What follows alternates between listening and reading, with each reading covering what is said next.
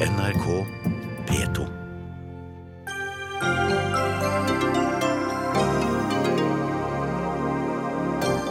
Bjørn Dæhlie klager på formuesskatten, men det er bare klassisk rikingprat, mener Mimir Kristiansson fra Klassekampen, som møter Civitas Kristin Clemet til debatt.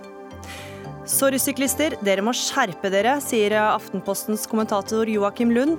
Men er det flere enn syklistene som bør skjerpe seg? Og brann- og redningsetatene takker nei til viktig hjelp i krisesituasjoner, mener Oslo Liftutleie, og spør om det skyldes arroganse eller motvilje.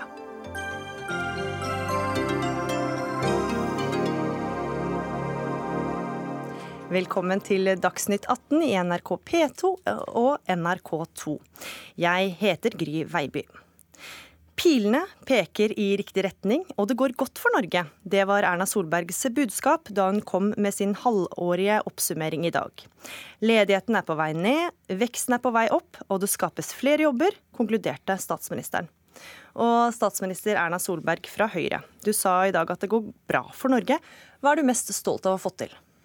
Jeg mener det mest stolte det jeg oppsummerte helt begynnelsen i min, mitt innledning i dag. Vi lovde en del konkrete ting i 2013-valgkampen. Og til tross for at vi har opplevd noen store endringer i rammebetingelsene på sikkerhetspolitikk og på beredskapsspørsmål, og ikke minst knyttet til oljeprisfallet, så har vi klart å levere på kortere helsekøer, leng, kortere tid du står i kø for å få behandling, bedre kreftbehandling i Norge.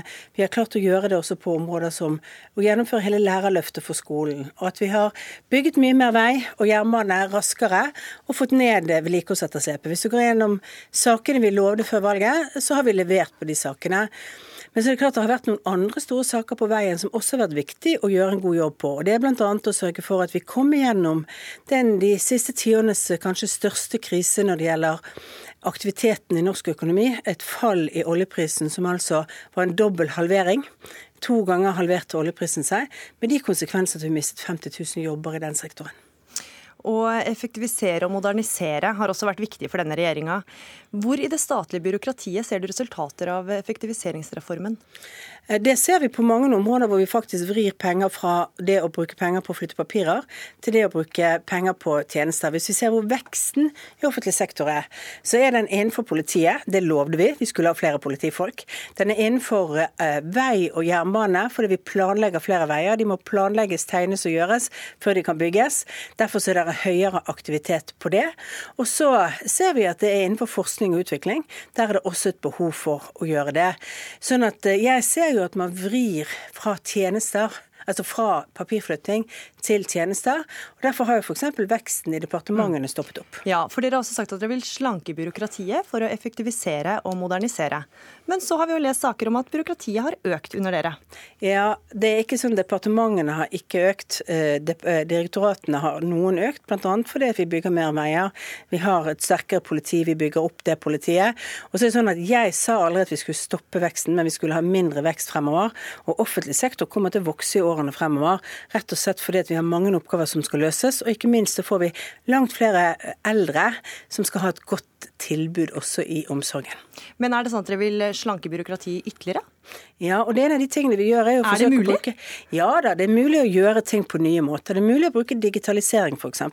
Noen av de reformene vi har, gjør at vi, fordi vi bruker digitalisering, så, så, betyr det at ting er mer effektive og går raskere. Hvorfor har dere ikke fått til det bedre så langt, da? Jo, men vi har jo gjort mye på dette. Også, men byråkratiet har økt med over 1000 personer siden dere tiltrådte? Eh, ja, altså hvis du da går inn og spør hva sektor, er det det som har økt i offentlig sektor, så er det altså på områder som har vært prioritert. Og det er viktig å si at også i offentlig sektor så skal du styre f.eks. når du skal ha flere politifolk, så må du klare å styre en stor politireform. Skal du bygge nye veier og mer jernbane og alt annet, så må du ha byråkrater som faktisk sørger for å få planlagt og gjort disse tingene. Så det er viktig å være litt mer detaljert enn i overskriftsbiten på disse tingene. Og så har vi gjennomført en stor, uh, stor tidstyvskampanje som Jan Tore Sanner har stått i, i bresjen for. og Det betyr at du ser at du kan ta vekk regler her, du kan gjøre ting enklere for folk. Betyr ikke at vi trenger å gjøre oppgavene på samme måten, og da kan du også spare inn litt årsverk etter hvert. Vi skal over til eh, beredskap, eh, for i en tid der terror preger Europa, sa du i dag at eh, beredskapen er bedre nå enn for fire år siden. Ja. Men hvordan kan du si det når Riksrevisjonen i sin rapport sier at det er sannsynlig at verken politiet eller Forsvaret, sammen eller hver for seg, vil være i stand til å utøve tilstrekkelig beskyttelse av viktige objekter når en trusselsituasjon tilsier det? Det var det. Det er en situasjon i 2005 om og fra situasjonen ved utgangen av 2005 på objektsikring. For De som har fulgt debatten i Stortinget i dag, vil også høre at det er ganske tydelig at alle ser at det nå er gjort en betydelig forbedring på det arbeidet siden 2015. Og det er en sånn situasjon at veldig mange områder altså Dette er en del av beredskapen, og det er objektsikring. Det er altså på noen bygninger og på noen områder. Men det er jo veldig mange andre ting som er viktig for tryggheten i Norge. For er det altså Men når verken politiet eller Forsvaret klarer å sikre det? Nei, det, det heller ikke en riktig eh, formulering rundt dette. For det var ikke planer for eller gjort fulgt opp loven sånn som den var på en riktig måte. Da var det 25% av objektene som var dekket på det tidspunktet. Det var for dårlig, det har vi sagt. Nå er det betydelig flere, og det har vi også rapportert til Stortinget om at, at det er. Men så har jeg lyst til å si at på det området så er det viktig å si at dette er en liten bit av beredskapen. Den er viktig, men den er liten. Vi har altså nå over 1000 politifolk som er trent for å kunne gå inn i skarpe situasjoner. Vi har doblet beredskapstroppen. Den kan stille på fem minutter med den bemanningen den har i dag. Det betyr at vi har bedre beredskap. Vi har bedre helikopterberedskap enn vi noen gang har hatt for politiet. Det skal vi snakke om tilbake til. Jo, men det er viktig å si at dette er jo bildet på beredskap. Så det å late som om om situasjonen som ble avdekket to, på situasjonen på, på, det som er objektsikring i 2015, er et bilde på beredskapen som en helhet. Det er helt feil. Og på veldig mange av disse områdene så har vi nå kommet mye lenger. Men som jeg også sa i dag, vi er jo ikke i mål. Fordi vi kommer aldri til å kunne være i mål på dette. Fordi vi må alltid jobbe med å ha en beredskap som er god for dagens situasjon. Og jeg sto på talerstolen i Stortinget etter 2011, så sa jeg en, altså 22. juli. En av de viktige tingene er at vi kan sikre mange bygninger. Men for hver bygning vi sikrer, så vil det være en ny vei, et nytt sted du kan knuse rutene, et nytt sted det kan bli vanskelig. Derfor er det så viktig å gjøre på mye av det vi har satset mye på. Det å, å øke PST sine midler, mm. det å sørge for at vi har god beredskap og godt forebyggende arbeid. Leder i Senterpartiet, Trygve Slagsvold Vedum, er du enig i virkelighetsbeskrivelsen til Erna Solberg her, at uh, sikkerheten er bedre enn noen gang? Erna Solberg eh, nevnte jo sjøl 22.07. i sitt eh, innlegg nå. og Da var jo konklusjonen fra daværende statsminister at det skulle ha en brutal åpenhet om det som hadde skjedd. Så en åpen diskusjon. Og Det som er så sørgelig nå, er når Erna Solberg løfta beredskap som en hovedsak når hun i valgkampen 2013 skulle ønske å bli statsminister. Så har hun nå endt med at Riksrevisjonen har kommet med en ramsal kritikk av eh, deler av beredskapsarbeidet. Og når vi skal få en debatt om det, så svarer Erna Solberg med det motsatte av det som var svaret i 2011. Hun svarer med lukkethet. Så vi får ikke en åpen debatt rundt det heller. Og hennes eh, egen tidligere riksrevisor Per Kristian Foss, hennes egen eh, Høyre-mann, har vært veldig tydelig i sin kritikk at eh, hans vurdering er at Høyre og regjeringa bruker da lovverket, beredskapsloven, til å forhindre kritikk mot seg sjøl. Og det er det motsatte av det vi lærte etter 22.07. At vi skulle ha åpenhet, diskusjon, og så lære. For det som er... Så nå snakker du om de lukkede møtene på Stortinget? Ja, de lukkede møtene, at vi ikke har de åpne evalueringene. Og at Riksrevisjonen har en ramsalt kritikk som vi da eh, som eh, stortingsrepresentanter ikke kan diskutere åpent, nettopp fordi at regjeringa ikke ønsker kritikken. Det er jo prosessen rundt det, men til, til realiteten, da. Beredskapen i Norge i dag, er den bedre enn noen gang? Altså, poenget er at vi er jo sårbare, og det er jo det Riksrevisjonen påpeker, at vi er svært, svært sårbare. Og så har Høyre og Senterpartiet hatt noen ulike svar. Vi mener at det har vært uklokt det Høyre har valgt med at man skal dimensjonere ned Heimevernet, ha en svakere områdestruktur, at en del av de som i dag har hatt uniformen på, må levere inn uniformen. Og det er en stor uro både i politi og HV over at alle de omstillingene som regjeringa har satt i gang, har ført til en sentralisering, en byråkratisering, men ikke en forbedring. Og Det er der Senterpartiet og Høyre ser så ulike på det. Vi tror det er klokt å ha nærhet, vi tror det er klokt å bygge opp og ikke bygge ned. og Derfor er vi ofte motpoler i her debattene. For det første syns jeg det er bra programlederen stiller spørsmålet hva mener dere om substans. For nå har det gått to måneder hvor jeg har hørt fra Senterpartiet og Arbeiderpartiet mye diskusjon om prosess, og det er spørsmål om åpenhet eller lukkethet om disse spørsmålene. Men det er viktig å understreke Stortinget har hatt full tilgang på alt om objektsikring. Det er mulig å gå i detalj, og jeg går ut fra at Stortinget etter ni måneder har stilt alle kontrollspørsmålene. Og når jeg hørte på debatten i stortingssalen i dag, så opplevde jeg at Stortinget var enige om at det har vært gjort veldig mye på de områdene som det var kritikk fra Riksrevisjonen, og som jeg har sagt vi hadde gjort en for dårlig jobb på, men i dag er situasjonen en annen. Men så til politiprioriteringene. Hvorfor er de bedre enn Senterpartiet sine? For det første fordi vi har 1800 flere ansatte i politiet. Eh, Fordi vi ser at politireformen gir oss styrkete fagmiljøer, gir oss bedre kraft, gir oss flere rullende politifolk.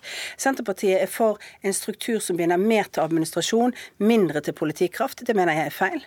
Hvis vi ser på hva vi har gjort i løpet av disse fire årene, så har vi altså løftet beredskaps, be, altså beredskapstroppen sånn at den kan stille på fem minutter. Vi har bedre politikapasitet, altså fly- og helikopterkapasitet for å løfte det. Vi har flere trente politifolk. Jeg sier ikke at Senterpartiet er imot det, men det, det er faktisk de store prioriteringene på de viktigste områdene. Og så har vi Men du gjort noe. nevner også- helikoptre, men dagens eh, politihelikoptre har ikke kapasitet til å frakte f.eks.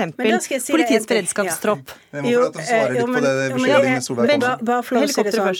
Det aller viktigste for beredskap i hele Norge er ikke tre politihelikoptre på Østlandet. Det er faktisk helikoptrene som vi nå investerer i. Redningshelikoptre og helikoptrene som Forsvaret har stående på Rygge og på Bardufoss. Det er de Men de har en beredskapstid på én time. på- De har en beredskapstid på én time, men poenget er at det er det som gir trygghet i hele Norge. Og jeg er opptatt av hele Norge. for Men mye mener kan skje skje på en time, da? Jo, jo da, mye kan skje på en time, men det har vi altså gått fra to timer under forrige regjering til én time under denne regjeringen. Hvert eneste år bruker vi mye penger i vårt budsjett på å holde denne beredskapstiden nede på dette. I tillegg så kan du rekvirere andre helikoptre. Vi kjøper at vi bruker 2,7 Nå må jeg få milliarder kroner i årets budsjett på å kjøpe nye helikoptre i Norge, Ja. som bidrar både til redningstjeneste, men også til å kunne løfte i en krisesituasjon politiet. Vedum. Altså jeg merker meg at Erna Solberg er veldig tilfreds med den jobben hun har gjort. Altså Riksrevisjonen er ikke det. Det er veldig stor uro i politiet, det er veldig stor uro i Heimevernet. Og så kommer da eh, Erna Solberg og sier at vi vil satse på byråkrati. Altså Når du ser en av de virksomhetene som virkelig har vokst under dagens regjering, så er det Politidirektoratet. Sist jeg så, så var det 60-70% flere ansatte der nå enn det var når Erna Solberg gikk inn i kontorene. Og det er det som har vært en opplevd situasjon i politiet. At denne såkalte nærpolitireformen har blitt en fjernpolitireform, som også direkt, hennes eget direktorat Difi kalte det. når Men de skal skal flere det. politifolk i distriktene hjelpe oss hvis det blir terrorangrep? Men selvfølgelig er det viktig å ha lokal kunnskap, lokal kjennskap.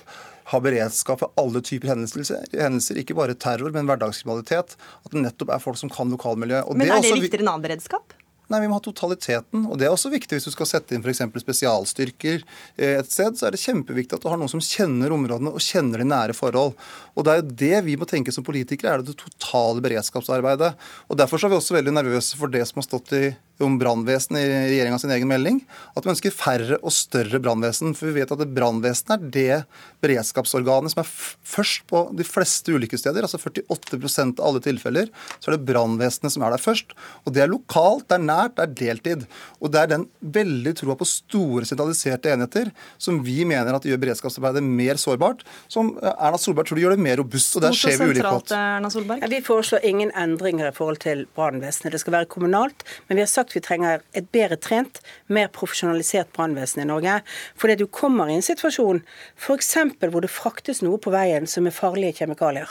Som kanskje kan eksplodere i et bynært område Men- men eller i et tettsted. hvordan styrker den beredskapen? Når det, når jeg bare lyst til å si, Senterpartiet er ekspert på dette. De tar en setning som sier mer profesjonalisert brannvesen, og så sier de nå skal vi ha stor sentraliseringsreform. Nei, vi skal ikke ha en sentraliseringsreform. Vi mener det skal være lokalt, kommunalt drevet brannvesen, men vi skal øke treningen deres. Vi skal sørge for å bygge en ny Men hvordan skal fagskole. politireformen eh, sikre, oss, eh, sikre beredskapen? For det første så er det en kombinasjon mellom en politireform og en regjering som satser på politiet som er nødvendig. For en politireform uten mer midler funker ikke. Det har vi forsøkt før. Det ga oss ikke mer politikraft. Det ga oss litt grann flere politifolk på gatene, men ikke særlig mye. Derfor så må du ha kombinasjonen av en reform som sørger for at vi har litt færre kontorsteder, men mer kvalifisert politi som er ute på veien, som vi kan allerede nå måle, har det resultatet at responstiden på de eh, alvorligste sakene, der hvor vi måler responstiden, den har gått ned fra 2015 til 2016. Ja, Responstiden har gått ned.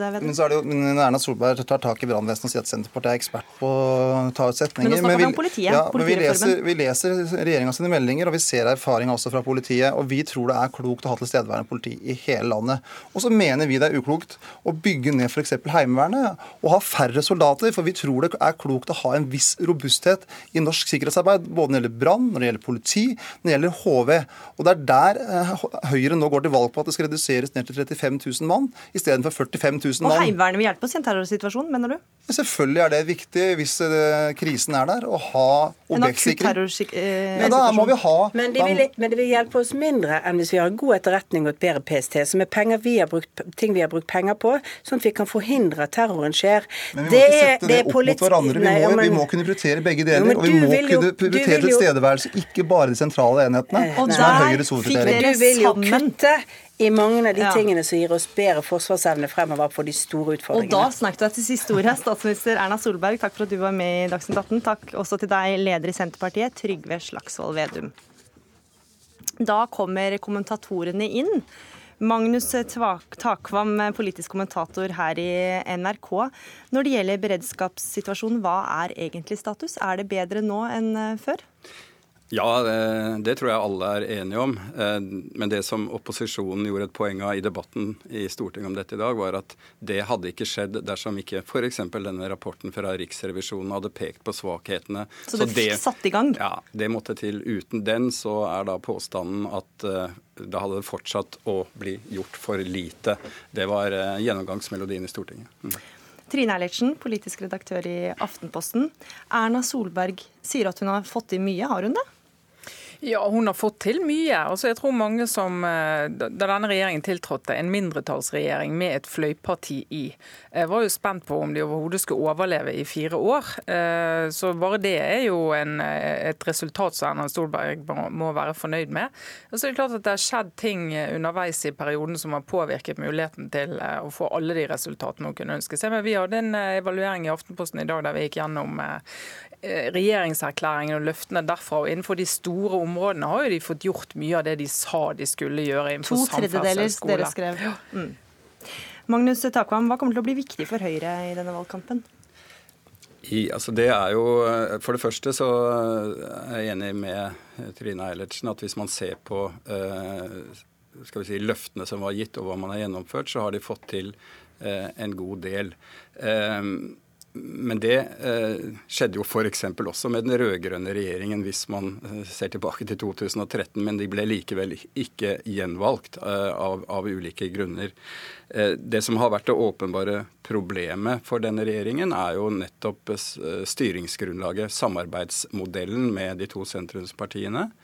Eh, som jo til tider har ført til eh, ja, kriseaktige tilstander nesten i hver eneste budsjettforhandling. Panikkaktige løsninger med plastposeavgift, eh, flypassasjeravgift osv. Så videre. sånn det er en av si, de negative oppsummeringene fra, fra denne perioden. Og den usikkerheten om samarbeid osv., den må de dra med seg inn i valgkampen, selvfølgelig.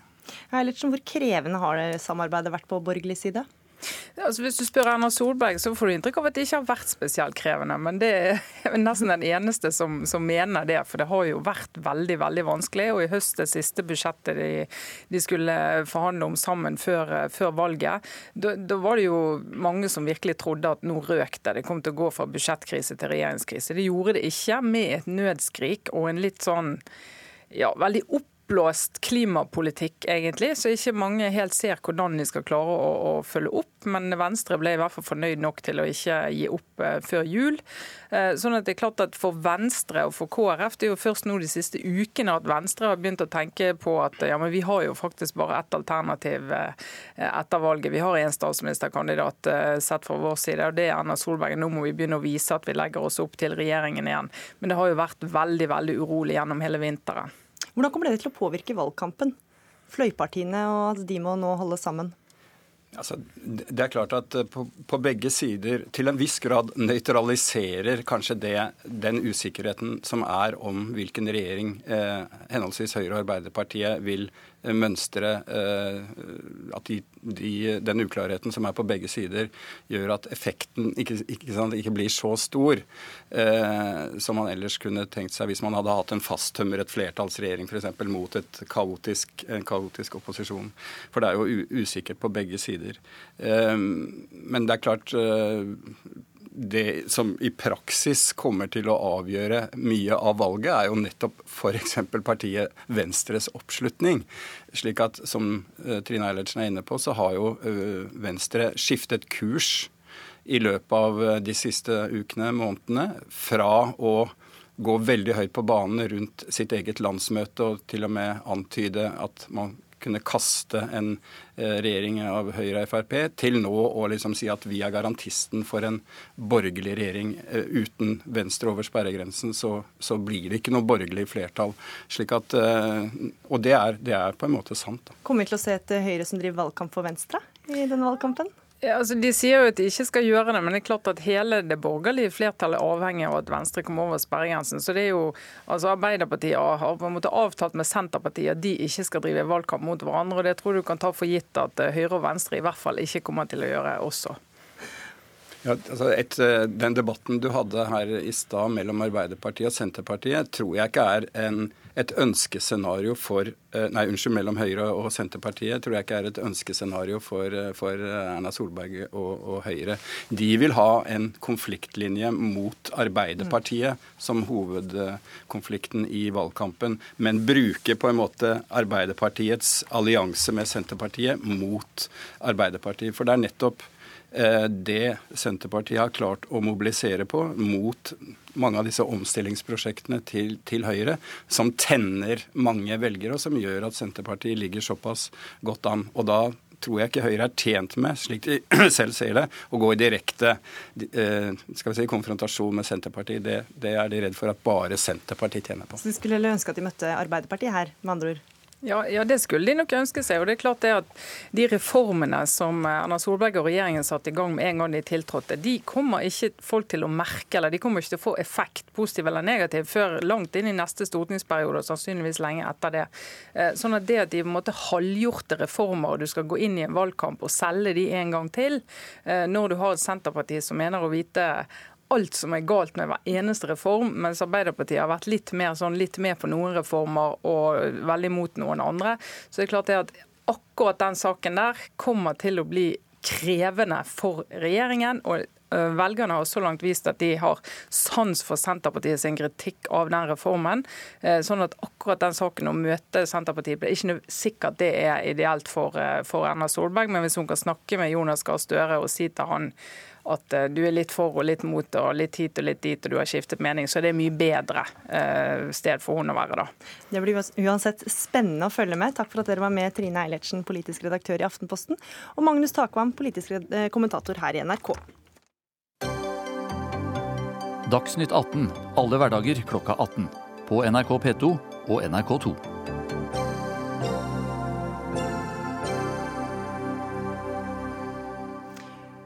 Bjørn Dæhlie har gått fra å være skihelt til å bli næringslivsmann. Og nylig kom han med et hjertesukk som nok en gang satte fyr på debatten om formuesskatten.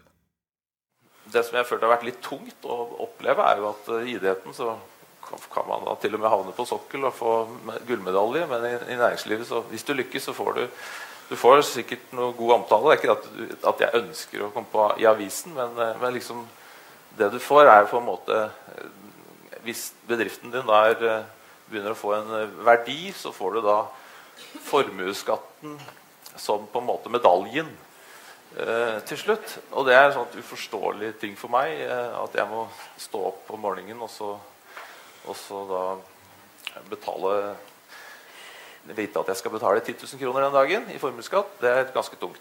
Og dette sa han da altså i forbindelse med et møte i Civita. Noen sa de ville tenne lys, en annen foreslo kronerulling, og reaksjonene var mange da han sa, Bjørn Dæhlie altså, sa han var lei av å betale formuesskatt. Og ifølge VG, som først omtalte saken, har Dæhlie nær 350 millioner i formue, og betaler derfor 3 millioner kroner i formuesskatt hvert år. Og Kristin Clemet, du er leder i tanke, tenketanken Civita og reagerer på hvilke reaksjoner utspillet til Dæhlie har skapt. Hvorfor det?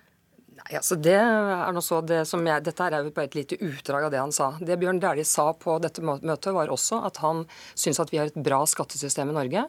Det er jeg helt enig med han i, for vi har hatt veldig gode politikere som siden begynnelsen av 90-tallet har gjennomført tre store skattereformer som har vært veldig gode. Altså og, som, og som gjør at Norge har et skattesystem som er mye bedre enn skattesystemet i svært mange andre land. Men det betyr jo ikke at vårt system er perfekt. Noen mener at vi burde gjøre det mer lukrativt å investere i næringsvirksomhet og mindre i bolig og eiendom. Og det er uenighet om formuesskatten på arbeidende kapital.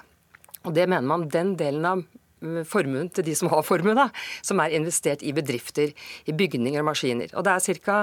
litt over 300 000 mennesker i Norge som bruker hele eller deler av sparepengene sine på å investere penger i bedrifter, og så får formuesskatt på det. Nå uh, må jeg si at uh, Alle disse menneskene de betaler jo skatt av inntektene sine. Man betaler skatt hvis man tar ut utbytte. Selskapene de investerer i, betaler skatt. Og så er spørsmålet skal man ha formuesskatt på toppen. Og jeg har ment i mange tiår, og er enig med Bjørn Dæhlie, elleve næringsorganisasjoner, alle de borgerlige partiene og flere tidligere Arbeiderpartistatsråder, at det er dumt. Og jeg vil si at det er to grunner til det, hvis jeg får si det. Det ene er at dette er en skatt som bare rammer norske eiere. Så hvis du har ett hotell her, eid av norske eiere, så får de formuesskatt, men et hotell ved siden av av utenlandske eiere får ikke formuesskatt. Men så var det reaksjoner der de fikk da han sa dette andre, Den andre grunnen, det, eh, det er at Du skal få komme tilbake ja, men, til alt dette. Jeg vil snakke litt om substansen her. Og den andre grunnen, det er at veldig mange som må betale formuesskatt, må tappe bedriftene for ressurser for å kunne betale skatten. Ja, Det du sikkert sikter til, det er reaksjoner bl.a. på sosiale medier. Mm. Jeg tar ikke det så veldig, veldig innover meg, fordi jeg tror at dette er reaksjoner hos visse grupper. Sikkert hos min meddebattant i Klassekampens redaksjon og på visse kroker i sosiale medier. Men jeg tror ikke vi kunne tenke oss den typen reaksjoner f.eks. rundt middagsbordene på Vestlandet. Jeg tror det er veldig mange som ser at dette rammer Altså 99% av norsk næringsliv er små og mellomstore bedrifter. Og de aller fleste som får formuesskatt, det er mennesker med veldig lav formue. Mimmi Kristiansson, du er nyhetssjef i Klassekampen og en av dem som gikk ut mot Bjørn Dæhlie. Hvorfor det? Altså, Jeg har vokst opp på et middagsbord på Vestlandet, og jeg vet en del om hva som blir sagt der. og Der òg er det mange som lar seg provosere når mennesker som er rike, klager over skatteregningen de får. Bjørn Dæhlie sier Kristin Clemet er fornøyd med alle andre deler av norske skattesystemet. Det sier han. Han sier han betaler all annen skatt med glede. For du kaller dette rikingprat? Ja, jeg kaller dette rikingprat. Bjørn Dæhlie er rik, og han prater, så det burde ikke være særlig kontroversielt. Men altså, Bjørn Dæhlie sier han er fornøyd med all annen skatt han betaler. Så sier du, som det står i VG, han betaler 3 millioner kroner i formuesskatt. Hvor mye betaler han i skatt totalt? 3 millioner. Så dette er nesten all skatten han betaler. Og den skatten han betaler, er han misfornøyd med. All den andre skatten som han, han har null i inntekt, f.eks., står det i, ligningen. All den andre skatten som han ikke betaler, den er han fornøyd med, syns jeg er godt innretta. Men den skatten han betaler, den syns han er feil. Og Sånn har vi det jo alle sammen. Man syns det er greit at andre betaler bompenger, bare man slipper å gjøre det sjøl. Men det folk lar seg provosere over i dette, og i hvert fall jeg lar meg provosere over, jeg tror mange langs middagsbordene på Vestlandet gjør det, det er at mennesker som har tjent seg rike i et veldig vellykka samfunn, der det er lett å bli rik, som det norske, klager, begynner å snakke om å straffes, de får skatten i fleisen. Altså, Tenk på Bjørn Dæhlie. Men utenlandske bedrifter betaler jo ikke formuesskatt. Men tenk på Bjørn Dæhlie først, for å bli ferdig med han, så kan vi snakke om utenlandske bedrifter etterpå. Bjørn Dæhlie han er rik av én grunn. Det er fordi at han er blitt heia fram av det norske fellesskapet. Han ville aldri ha blitt en kjent stor idrettsstjerne uten den gjennomstatlig subsidierte, dugnadsfinansierte idrettsbevegelsen gjennom timevis på Statskanalen, NRK finansiert av lisensavgiften til alle som bor i Norge, gjennom det OL på Lillehammer som betalte milliarder av våre skattekroner kroner til. Så fikk han et kjent navn. Det satt han altså på noen treningsklær, og det Nå gjorde han rik. Egen bedrift. Men, ja, men, men, det, altså, dette altså, navnet har vi bygd opp, og da bør Bjørn Dæhlie skjønne at han må betale litt tilbake til fellesskapet. Vi snakker 0,85% av formuen, og det syns han blir for mye. Ja, men altså, de, Hvis du ser på alle de som eh, har investert i bedrifter i Norge, som jeg sa det er over 300 000, ca. 200 000 av dem de har under 3 millioner i formue. Bare ca. 2000 mennesker har over 50 millioner i formue. Så det er veldig få som er superrike. Det fine med de superrike, det er at de har investert nesten hele formuen sin i bedrifter. De superrike i Norge de bruker nesten 90% av formuen sin i bedrifter. Og Vi sier ikke at de skal slippe formuesskatt på luksus. Grunnen til at de borgerlige partiene og alle næringsorganisasjonene snakker om fritak for formuesskatt på arbeidende kapital, er at man bare ønsker å la være å betale formuesskatt på det som står i bygninger og maskiner. For saken er at eh, altså fire, fem, seks av ti som betaler den typen formuesskatt, de må tappe bedriftene for ressurser for å kunne gjøre gjøre det, eller de må låne penger. Eller de må i verste fall selge hele eller deler av bedriften. Det er ikke synd på Bjørn Dæhlie, det er ikke synd på de superrike. Men det som er veldig dumt, det er om vi ikke forstår hvordan verdiskaping blir til. Og de pengene som betaler i formuesskatt, de er tatt ut av bedriften i veldig mange tilfeller, og kan ikke brukes til å investere mer i bedriftene. Og de konkurrerer jo også utenlandsk, med utenlandske bedrifter, som vi snakket om tidligere. Og hvis det var sånn som Kristin Clemet beskriver, at det å være rik i Norge var veldig vanskelig, så ville Norge hatt færre rike enn i andre land. Man snakker mye om denne særnorske formuesskatten. Norge er et av verdens letteste land å bli rik i. Det fins ingen dokumentasjon for det Kristin Clemet sitter og sier. Det er forskere, alle Norges ledende fagøkonomer, de aller fleste av de sier det er altså ikke problematisk for norske bedrifter å betale formuesskatt. Det er ikke der skoen trykker. Poenget er ikke om det er lett eller vanskelig å bli millionær i Norge. Jeg vet at det kan være ganske lett. Det Poenget er er det lett eller vanskelig å starte bedrifter og få dem til å vokse. Og det er ganske vanskelig i Norge. Å starte en bedrift som vokser. Altså Vi må jo spekulere hva er effekten av å ha denne formuesskatten. Vi kan ikke vite alt om det. Det kan jo være at man tapper bedrifter for ressurser, som jeg har sagt, at man får færre arbeidsplasser, at man kanskje flytter ut av landet. Men én ting som noen spekulerer i, det er jo hvorfor har ikke vi selskaper sånn som man f.eks. har i våre naboland, små gründerbedrifter som plutselig tar av og vokser seg store. Det kan ha sammenheng med at vi har formuesskatt og ikke våre naboer. Og Man må jo spørre seg hvorfor i all verden er det riktig at en, eh, en som eier en norsk bedrift, skal ha en ekstra byrde og bli mindre konkurransedyktig, mens nabobedriften ja. som er eid av amerikanere, ikke skal ha den, eh, den, ulempen. Hva er poenget med det? Hvis vi vil styrke den norske modellen, hvis vi styrker den norske modellen, så burde vi styrke norske eiere. Den lille gruppen superrik som du snakker om, de skal betale skatt, de òg. De skal betale skatt på luksus. Og hvis, nei, de skal betale skatt på å eie store bedrifter, som er lukrativt, på formue. Hvis du fjerner formuesskatten, får disse menneskene, som du mener det ikke er sum på, de får altså store skattekutt. Det er et uheldig signal til alle andre som jobber og skaper verdier over hele Norge hver dag uten å få den typen minneskattgaver. Og den sammenhengen, Kristin Clemet, at vi hadde hatt et eller annet Google eller Amazon i Norge, en eller annen liten gründerbedrift som var verdens største, og man fjerna formuesskatten på 0,85% den må du jobbe i Civita, lønne av disse milliardærene for å gidde å spekulere. Men, men det alle disse menneskene betaler skatt hvis de tar ut utbytte eller har inntekt. Nettopp, nettopp. Men, men, arbeidsta men, arbeidstakere betaler jo ikke skatt av lønn de ikke har. Sånn at men, dette er spørsmål om altså at du skal, Det er på en måte som om du skal betale skatt av den arbeidsevnen du har, selv om du er arbeidsledig og ikke har inntekt. Og dere kommer nok ikke til å bli enige. Takk for at dere var med i Dagsnytt 18, Mimmi Kristiansson fra Klassekampen og Kristin Clemet fra Civita.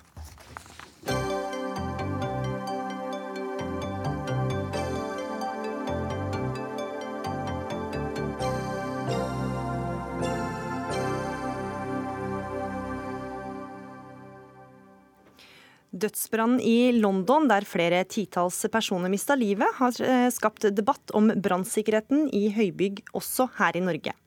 I dag kunne vi lese at Oslo Liftutleie har tilbudt seg å hjelpe brannvesenet ved branner i høyblokker, men at brannvesenet så langt har avslått tilbudet. Motvilje eller arroganse spør du om i en kronikk i NRK Ytring. Raimond Andersen, du er seniorrådgiver i Oslo Liftutleie. Hva, hva mener du med det? Ja, vi opplever, eller har jo opplevd og Jeg møtte møtt to hyggelige menn ute her, og de har jo på en måte kommet litt tilbake på det som er skrevet. De har sikkert lest òg.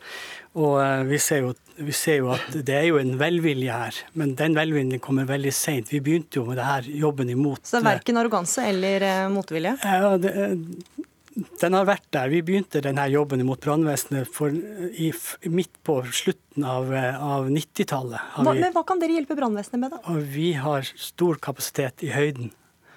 Og ja, høyden og langt ut. Vi har stor kapasitet i høyden. Men eh, du har jobbet i Oslo Liftutleie i snart 25 eh, år. Har det noen gang hendt at dere har blitt ringt opp av brannvesenet når det har vært eh... Aldri. Nei. Fredrik Frøland, du er avdelingssjef for beredskap, brann- og redningsetaten i Oslo kommune. Her får dere da en eh, åpen og utstrakt hånd fra Oslo Liftutleie. Hvorfor ikke bare takke ja? Det er fint å få hjelp av dere når det brenner i høyblokker. Ja. Det er veldig bra at eh, Raymond også bidrar til den eh, nasjonale dugnaden som norsk redningstjeneste er. Hele grunnpilaren i redningstjenesten i Norge baserer seg på at alle private, offentlige og frivillige aktører bidrar med de ressursene som er nødvendige og egna i en akutt livreddende fase. Eh, det som Raymond gjerne vil ha, det er jo en type eksklusiv avtale, eller på en ringeliste, som han kaller det sjøl. Vi har den velsignelsen at i Oslo så har vi en tilgang på ressurser som er veldig rik, og vi ønsker ikke, eller trenger ikke, å binde oss til én en enkelt aktør. For Hva er din, din tanke bak dere? At, at, dere skal være fast beredskap, eller hvordan skal dere gjøre dette konkret? Det, det, det, er jo litt, vanskelig å trekke en enhetlig konklusjon på det. Men vi representerer jo en bransje, og det er jo ikke bare Oslo Luftleie. Jeg representerer jo en bransje her som, som, faktisk kan bidra. og det er jo det bidraget vi etterlyser. og Når jeg snakker om en ringeliste, så bør det kanskje være en ringeliste i Drammen òg. Det gjelder jo ikke bare, bare i Oslo. Men hvis det fungerer bra sånn som det er i dag, hvorfor skal da dere være med i en mer organisert form, da, som jeg antar at du Men noen ganger så vet vi at det ikke fungerer. Dessverre så så vi jo det i London er ikke det et godt poeng, da? At det kan være greit å samle kreftene her, sånn at dere alltid veit hvem dere skal få tak i? Eh, vi har eh, veldig god eh, oversikt over de ressursene som finnes tilgjengelig. Og, vi er den første til å ringe etter hjelp når vi trenger det. Vi har en gjennomsnittlig utrykningstid i Oslo på seks minutter. Og den første livreddende innsatsen den er vi nødt til å eie fullt og helt selv.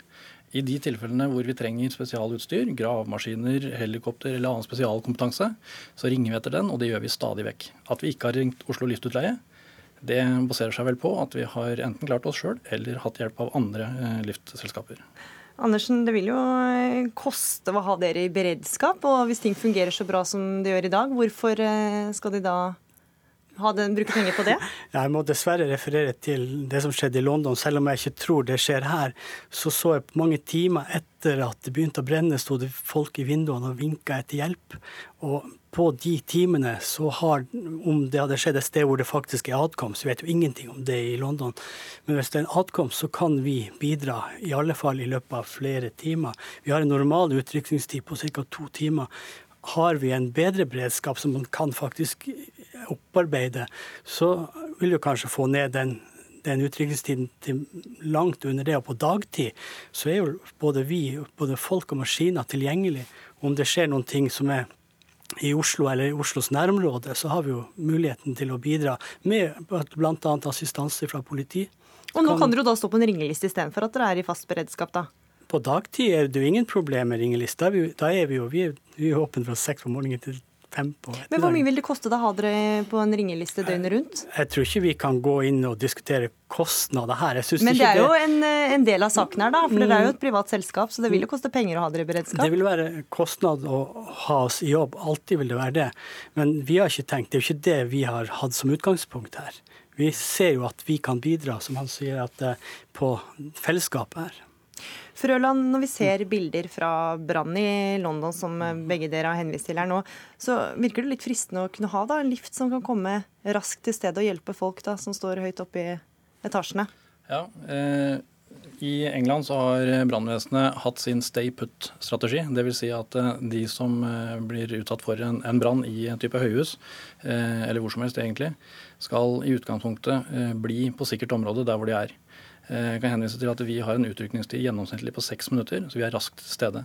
Bygningsforskriftene eh, skal gi oss bedre eh, vilkår for å rekke å komme til unnsetning. Så dere har egentlig ikke behov for en lift fordi folk skal være der de er? Ja, i utgangspunktet så skal de beholde, fortsette å oppholde seg i sikkert område. De skal rømme seg selv hvis det er trygt. De skal ikke rømme gjennom røyk. Da kommer vi og hjelper. Men eh, hvor langt når deres eh, stiger i dag, da? Vi har eh, valgt den optimale størrelsen er 32 meter for bruk i Oslo. Det er en sammenheng mellom at i de byggene som vi ser som den største utfordringen, er de såkalte 1890-gårdene som er bygd før 1930. Som har en gjennomsnittlig høyde på tre til fem etasjer. og Der er kapasiteten god nok. Bilene er små nok til å komme raskt fram og stilles opp under langt fra optimale forhold i veldig mange tilfeller. Ja, Andersen, Når rådet faktisk er at det er tryggere å bli der du er, enn å eh, evakuere ut av vinduene, er det da egentlig behov for dere? Ja, og Det finnes jo faktisk andre situasjoner òg enn akkurat brann. Brann og redning gjør andre ting. De f.eks. kan berge en som har fått hjerteinfarkt i en kran på en byggeplass. Mm. Og Han må òg ned. og Vi kan bidra sammen med helsepersonell og brannmenn for så vidt. Brannvesenet firer en mann ned i tau, eller den personen ned i tau. Enn så lenge så må dere stå på ringelista. Takk for at dere var med i Dagsnytt 18, Raimond Andersen, seniorrådgiver i Oslo Liftutleie, og Fredrik Frøland, avdelingssjef eh, for beredskap, brann og redningsetaten i Oslo kommune.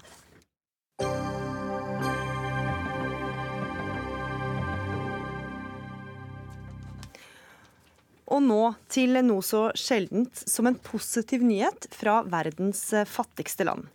Den tidligere franske kolonien eh, har vært herja av vold helt siden landet fikk sin uavhengighet fra Frankrike i 1960. Og det altså Den sentralafrikanske republikk vi snakker om. Men i går underskrev 13 av landets 14 militser en historisk våpenhvileavtale. Sverre Tom Radøy, korrespondent her i NRK.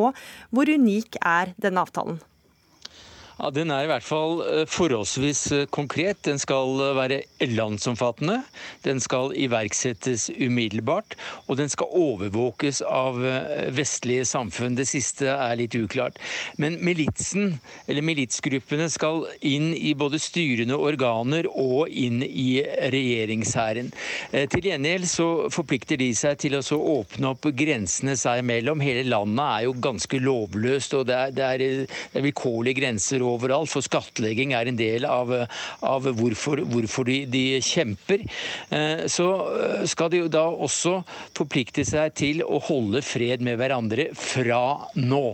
Eh, men det er det ikke alle som tror. Mens du snakket med Erna Solberg, så ringte jeg en, en kilde i hovedstaden Bangui som sier at dette her har de hørt før, dette er det ikke så mange som tror på, i hvert fall så blir det svært vanskelig. Og Du har møtt den ene militsen som ikke vil være med på våpenhvile. Hvordan var det? Nei, jeg møtte, jeg møtte, tre eh, krigsherrer eller militsledere. Eh, det er en gruppe som, som kaller seg for, for 3, 3R.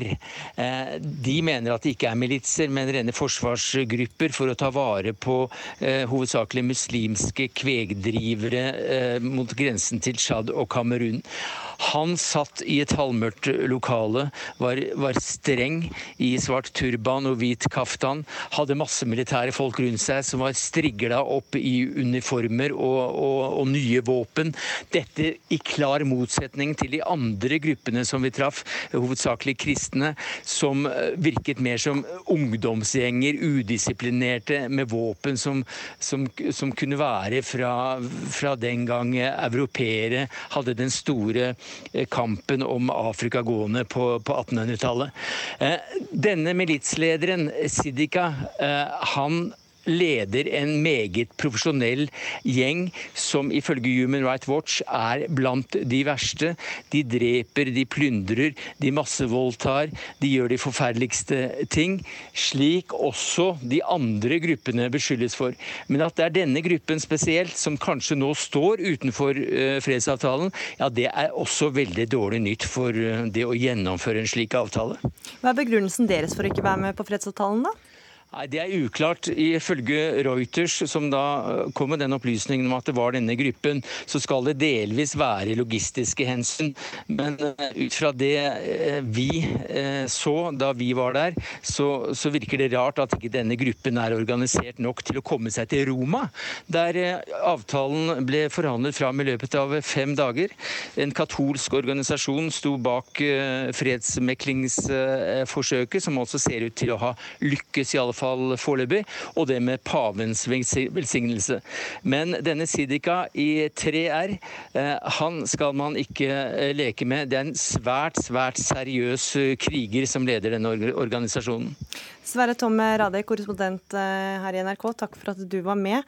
Kristin Skare Ogre, du er professor i journalistikk ved Høgskolen i Oslo og Akershus, og har jobbet mange år med prosjekter i Afrika. Er det grunn til å være optimistisk nå, med tanke på denne fredsavtalen?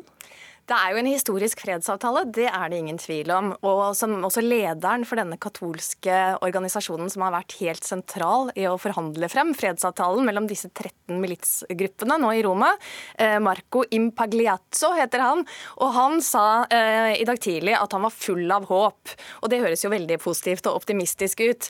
Eh, det er grunn til å ja, juble at man er kommet så langt, men også å være edruelig forsiktig, fordi at her er det, som vi også hører fra Sverre Tom Radøy, eh, flere usikre brikker i dette spillet. Samtidig så er dette et land, eh, Den sentralafrikanske republikk, som har vært herjet av krig og elendighet helt siden de da fikk, ble frigjort, fikk frigjøringen sin fra Frankrike. De var en fransk koloni og ble da selvstendige i 1960. Og så er det en lang historie som egentlig går inn i si, den stereotype, grusomme elendighetshistorien. Det er ikke noe oppløftende historie for dette landet? Det har ikke vært det de siste tiårene, og, og sannsynligvis ikke under kolonitiden heller. Eh, men det er jo også mange klassiske trekk her ved dette landet.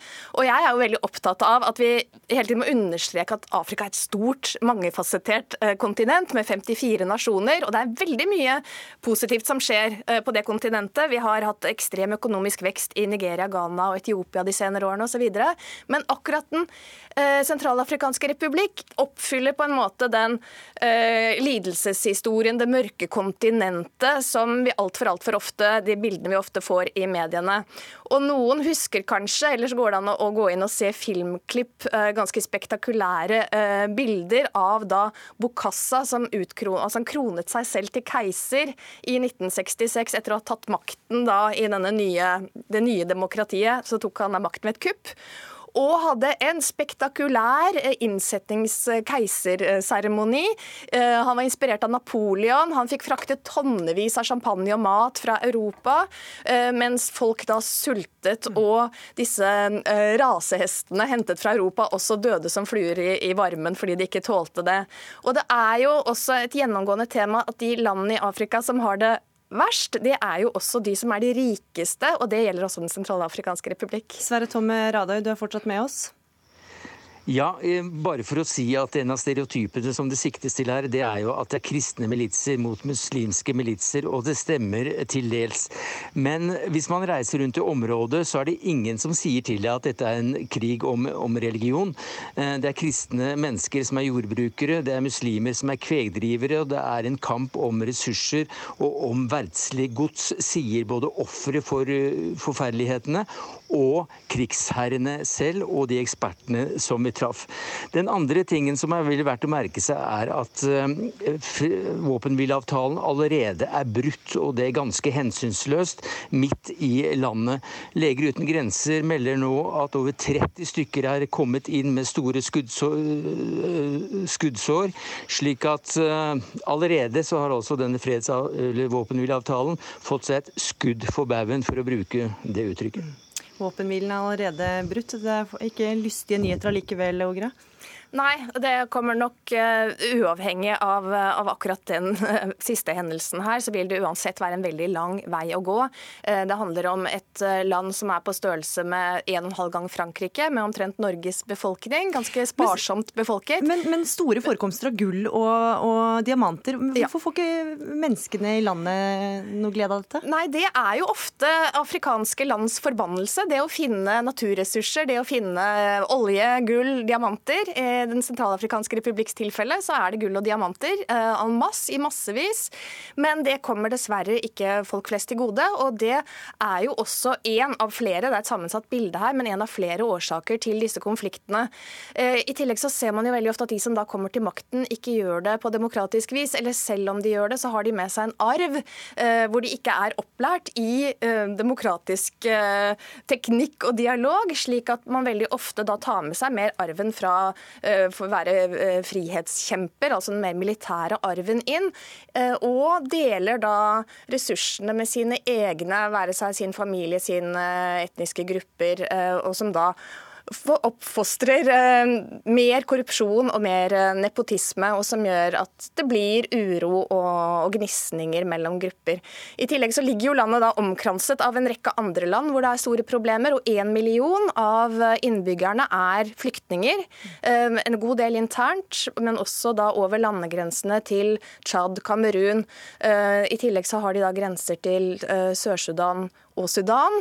Og, og, flere av disse militsgruppene har jo forgreninger inn bl.a. i Darfur-området i, i, Sudan. Og de har også grenser til de to Kongoene, Kongo og Kongo-Brazzaville. Så vi bare, det vi kjenner fra mediebildet, sier jo også at her er det eh, potensielt eh, store oppgaver som skal løses før vi kan se på Den sentralafrikanske republikk som et fredelig land midt ja, i Afrika. Det begynte jo godt, da, denne saken, at det, eh, nå skulle de i fredssamtaler. Men hva skjer framover nå? Altså, hva, er det status quo da, i Sentralafrikansk republikk? Det er vanskelig å spå om, om, fremtiden. og Jeg hadde jo egentlig håpet at jeg kunne sitte her og si at dette er hvert fall et første lite skritt på veien. Og så får vi da breaking news fra Sverre Tom Radøy at uh, den er allerede brutt, denne våpenhvilen. Vi får jo krysse fingrene for at uh, denne gruppen som uh, heter Sant Egidio, som holder til i Roma, en katolsk gruppe som har fått til mye god dialog i konfliktområder eh, rundt omkring i verden, og særlig på det afrikanske kontinentet. At de orker å ta en runde til eh, og videreføre da dette prosjektet.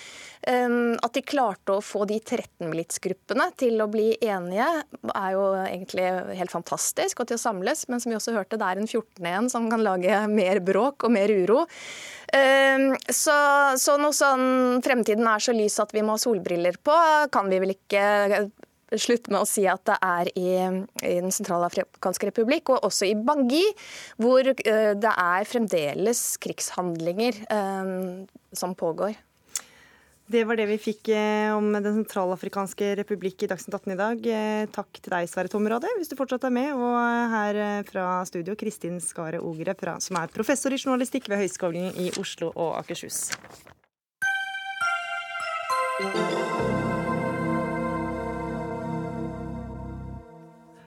For en eh, Oslo-beboer oppleves det å eh, sykle inn i København som å komme til en mer avansert kultur.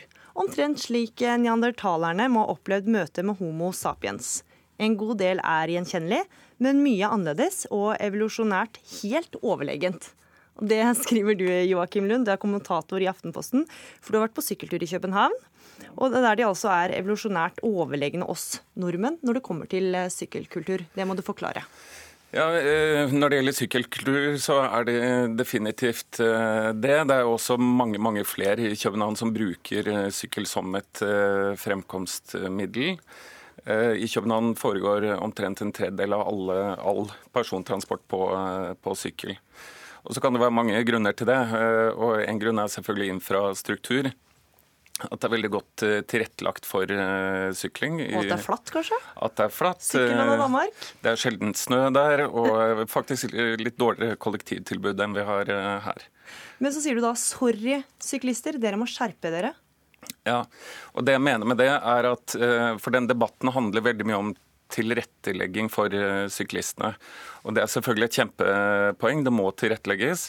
Og Der skjer det også veldig mye bra. Det er jo en grandios plan for tilrettelegging eh, for syklister i, i Oslo. Men det må også skje noe med sykkelkulturen, mener jeg. Og Der merker man veldig, veldig stor forskjell på Oslo og f.eks. København, hvor det sykles uh, veldig mye. da. Motebattanten din er faktisk på vei her nå på sykkel. Ja, han sykler, skjønte jeg. Det tar sin tid. Ja, vi får se om han rekker det. Ja. Men eh, vi har med en, eh, en, person til. og Det er deg, Bård Morten Johansen. Du er seniorrådgiver i Trygg Trafikk. Eh, vi hører jo ofte debatter om bilister som irriterer seg over syklister, og syklister som irriterer seg over bilister. Hvem er det som egentlig har rett her? Ja, det var et godt spørsmål. Jeg opplever at den, den debatten om om irritasjon og gjensidig irritasjon kanskje er litt oppblåst. Vi har jo sjøl eh, meningsmålinger for å kalle det, som viser også at eh, konfliktnivået tilsynelatende er høyt. Eh, men vi ser jo i trafikken daglig at i virkeligheten så er det jo ikke riktig så ille, da. Det er heldigvis ikke noe, noe åpen krig. Og det er jo fordi at folk flest de tenker vel ikke på seg sjøl som som det ene eller det andre, syklist eller bilist. Altså det som slutter på IST, det får jo ofte et negativt preg. Man tenker vel at en skal forflytte seg til et eller annet sted. Man skal på jobb, eller han skal flytte ungene til barnehagen eller skolen, eller eh, man skal på trening, og så, så får det bli med det, og så prøver han å gjøre sitt beste ut av det. Det er en del av livet. Joakim Lund, eh, tallene fra Transportøkonomisk institutt viser at det er ti ganger større sjanse for å bli skadet i trafikken i Oslo enn i København. Mm. Eh, og da skriver du at syklistene først og fremst har seg selv å klandre. Men eh, hva er det de burde klandre seg selv for? Nei, eh, altså alle syklister sykler selvfølgelig ikke eh, stygt, eh, bare så det er klart. Det er, det er noen, noen, som gjør det. Men hvis du ser på statistikken fra eh, Trygg Trafikk faktisk, og, og TØI, så eh, skjer de aller aller fleste sykkelulykkene eh, uten at det er en bil involvert i det hele tatt. Det er syklister mot syklister, som regel? Ja, eller som regel syklister mot ingen. Mot ingen ja. det, det er sånne ulykker som skjer hvis du sykler sykle på en fortauskant eller trykke, trikkeskinne eller bremse for brått så hjulet sklir under og, og, sånne ting. Da. Det er tre av fire ulykker. Og så er det eh, kollisjonsulykker, og der er en tredjedel av dem igjen er eh, fotgjengere eller andre syklister. Så veldig få av ulykkene involverer en bil, egentlig. Så det motsetningsforholdet er kanskje mindre enn man skulle tro det. Johansen, hva er egentlig reglene for en syklist? Er det greit å sykle midt i veibanen? Så I utgangspunktet så er alle som er i trafikken, er pålagt å følge det som vi kaller veitrafikklovens paragraf 3. Og Det er den gode gamle som sier at du skal være hensynsfull, aktpågivende og varsom. Det vil si altså, Du skal vise hensyn, og så skal du da være oppmerksom, og så skal du være forsiktig. Uh, og den loven, kan si, eller den paragrafen, da, den uh, den er det vel kanskje ikke alle som er riktig like flinke til å følge. da. Og, og, og hvis man er uenig i, i, den direkte, at man mener at man har fortrinnsrett fordi at man tilhører en bestemt gruppe, så må man ja, politisk jobbe for å få endra den eh, paragrafen, tenker jeg da. Eh, Bård Morten Johansen, du er jo ikke her, så du ser jo ikke dette, men nå har vi akkurat fått inn Olav Torvund. Du er jusprofessor og syklist med litt lette svettedropper på panna. Du har sykla så fort du bare kunne for å rekke dette. og kanskje få igjen pusten litt. Du sykler så godt som hver dag hele året. Hvor, hvor god syklist er du? Hvor mange trafikkregler har du brutt på veien hit nå? Jeg tror ikke jeg har brutt noe på veien hit. Jeg bryr ikke så veldig mange. Jeg pleier å være en relativt uh, lovlydig syklist. Men uh, Lund uh, har jo i sin kronikk i Aftenposten, eller i sin spalte i Aftenposten bedt deg og andre syklister om å skjerpe dere. Bør dere skjerpe dere? Ja, Alle bør vel skjerpe seg, men jeg skal si det på den måten. Det blir som å si at alle bilister må skjerpe seg. De må slutte å kjøre for fort, de må slutte å snakke til mobiltelefonen osv. Så, sånn. så har man alle i en gruppe og sier det gjelder alle bilister. Jeg har ingen tro på at syklister er noe verre enn andre. Jeg tror ikke det finnes noe empiri for det. Så dette er ganske overdrevet. Så det er klart det er noen problemer blant folk som sykler, noen problemer blant folk som kjører bil, og blant fotgjengere. Og det er et dårlig samspill som alle bærer ansvar for, ikke bare syklister. At vi alle må bære ansvaret for samspillet er vi vel enige om, men at syklister ikke er noe verre enn noen andre, hva sier du til det, Joakim Lund? Jeg tror, det, jeg tror det er helt feil. Jeg ser uh, hver eneste dag at syklister uh, sykler på rødt lys, uh, eh, f.eks. Det var egentlig det hele den saken her begynte med, at Aftenposten gjorde da en uhøytidelig sak, riktignok, hvor vi dro til København og så overvåket et lyskryss der og et lyskryss i Oslo. I København var det ikke en eneste syklist som syklet på rødt lys, f.eks. I Oslo gjorde de fleste det. Og jeg tror veldig mange vil kjenne seg at syklister Eh, sykler eh, ikke viker for fotgjengere, sykler over fotgjengerfelt, eh, svinger brått ut uten å gi signal osv. Ja, Torben, det er ti ganger større sjanse for å bli skadet på sykkel i Oslo-trafikken enn i København, viser tall fra Transportøkonomisk institutt. Ja, det kan godt hende. Altså, det er klart sykkelkulturen, Trafikkulturen er en annen i København. Når det gjelder grønt lys, rødt lys, så har man jo f.eks. i København gjort det slik at det er grønn bølge for syklister. Så man får ikke rødt lys. på samme, altså I Oslo så stopper det omtrent hvert eneste kryss, og får rødt lys hvert eneste kryss for det er tilpasset biltrafikk. Og, det er jo noe av det som ligger bak, at de har laget trafikkregler av bilister for bilister. og Reguleringen er laget av bilister for bilister, og veldig dårlig lagt til rette både infrastruktur, reguleringsmessig og trafikkregler for at det skal være greit å sykle. Men syklisten seg selv er det ikke noe feil med? Jeg har ikke sagt det. Jeg bare sier at det er ikke, det som, det er ikke der hovedproblemet ligger. Altså jeg pleier å si at jeg er fortsatt såpass marxist at jeg mener at de, de materielle forutsetningene må være til stede, og så kommer kulturen etterpå. Og altså København, Amsterdam så De har holdt på i 40 år. lage, De startet på 70-tallet. Da man begynte å prate i Norge, og siden har man pratet, og så har man begynt å gjøre noe de siste fem-seks årene i Norge. Men København og for så vidt Amsterdam andre, så har de jo holdt på i 40 år. Det skjedde ikke uten konflikt der heller. Det var ikke sånn at plutselig så var det greit, men over lang tid, hvor man har fått bedre infrastruktur, bedre tilrettelegging, så har det også vokst fram en sykkelkultur. Og en fotgjengerkultur. Du ser ikke noen som går i sykkelveien i København, bortsett fra norske turister som kommer hjem i Amsterdam, som kommer hjem og klager hvor forferdelig det er å gå der pga. disse farlige syklistene. Fordi de oppfører seg like dumt som de gjør her hjemme. Det må også på plass. Og så må bilistene lære seg å ta hensyn til at folk sykler. Og så selvfølgelig må syklistene også eh, innrette seg etter reglene hvordan de er. Men det er alle de tre som må på plass. Alt dette mangler i Norge. Bunnen av dette er dårlig infrastruktur og dårlige regler. Men er premisset da at hvis bare infrastrukturen kommer på plass, så kommer alt til å sykle veldig OK. Det tror jeg er et veldig haltende premiss. Og det er veldig mange i Oslo som sykler veldig bra som det er, uten at infrastrukturen er på plass. Så det vi snakker om er For du mener at det er en kultur her i Norge blant syklistene her? Ja, uh, og selvfølgelig når man snakker om kultur, så blir det jo alltid generaliserende, da. Det er mange som sykler veldig bra, men det er også en god del som ikke gjør det. Og der, og der fikk du siste ord. Dagsnytt 18 er slutt. Ansvarlig for sendingen var Ida Tune Øretsland. Teknisk ansvarlig var Lisbeth Sellereite, og her i studio var Gry Veiby.